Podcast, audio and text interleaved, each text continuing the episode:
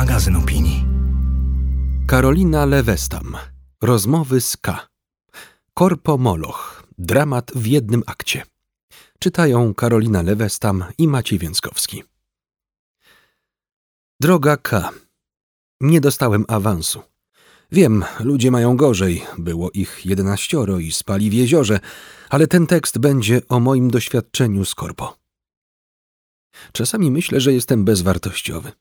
Nie zrozum mnie źle. Nie jako człowiek per se, bo nawet siebie lubię, tylko człowiek osadzony w kapitalistycznym kontekście.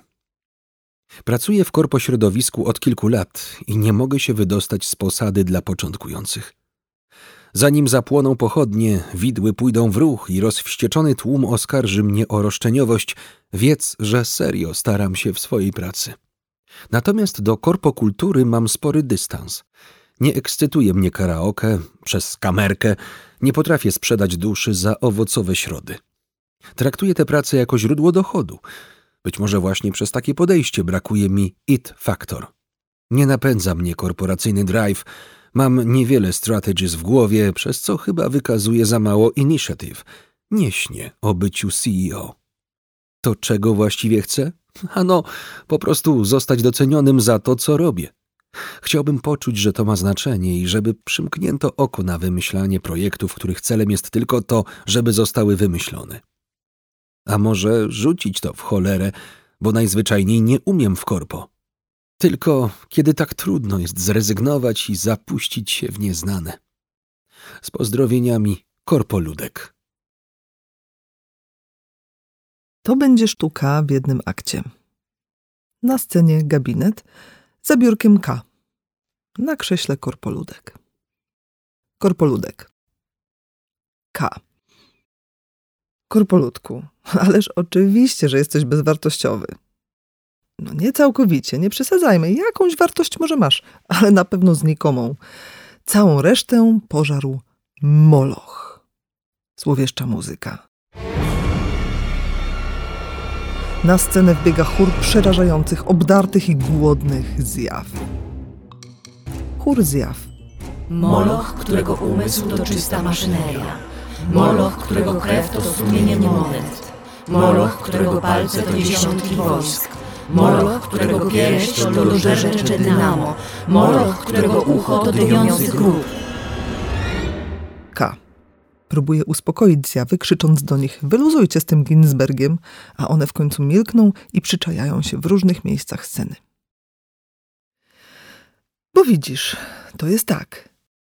Gdybyś żył kilka wieków temu w niewielkiej wsi i zabrakłoby wody, to ty i twój kolega poszlibyście może wykopać nowe źródło.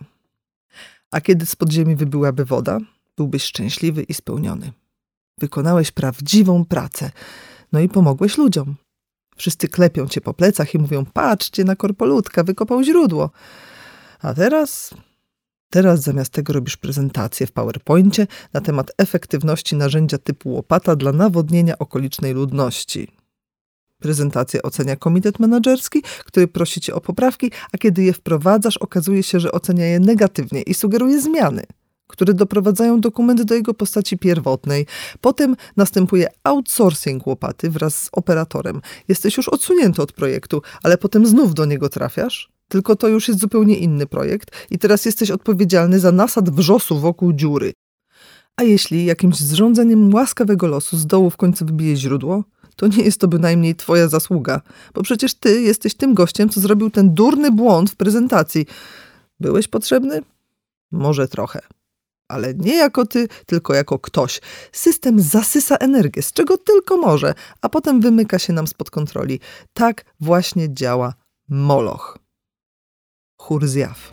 Moloch, którego miłość to bezmiar nafty i kamienia. Moloch, którego dusza to prąd elektryczny i banki. Moloch, którego nędza jest upiorem geniusza. K. Cicho zjawy. I widzisz, korpolutku, naszym mózgom wciąż się wydaje, że żyjemy w tamtej wsi, w której rozumiemy swoją pracę i zdobywamy dzięki niej szacunek. Ale wsi już nie ma, a może nigdy jej nie było. Żyjemy w tajemniczych fabrykach. Nikt nie rozumie do końca, co robi i dlaczego. Kto tu może odnieść sukces? Są horoskopy i zaklęcia. Trzeba mieć drive, trzeba być proactive, trzeba wykazać inicjatyw.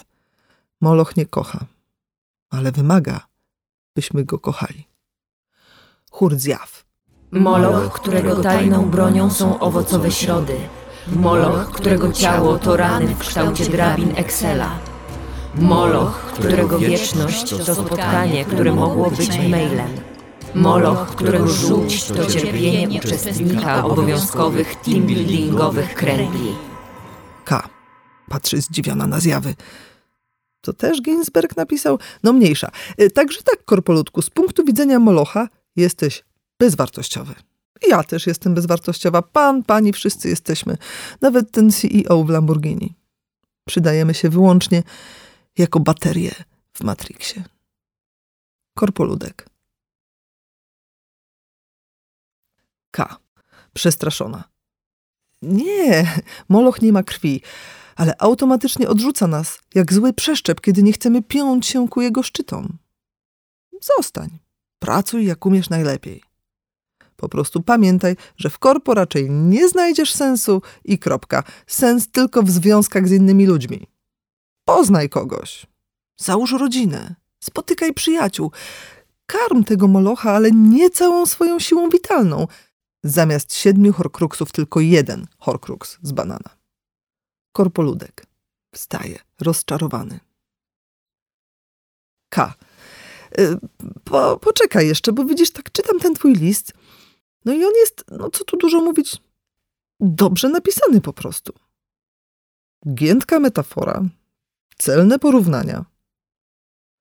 A może ty byś jednak, może, no wiesz, jakiś zawód kreatywny przedsięwziął? Pisał coś na przykład? Korpoludek z nadzieją.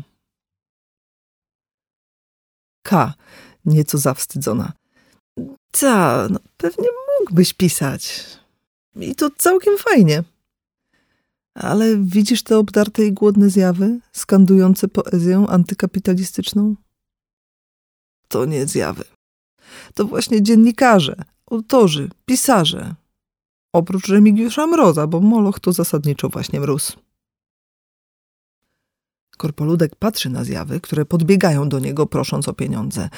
Kręci głową, odwraca się napięcie i biegnie w stronę szklanego wieżowca. Kurtyna.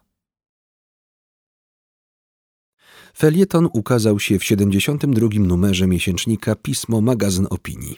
Czytali Karolina Lewestam i Maciej Więckowski.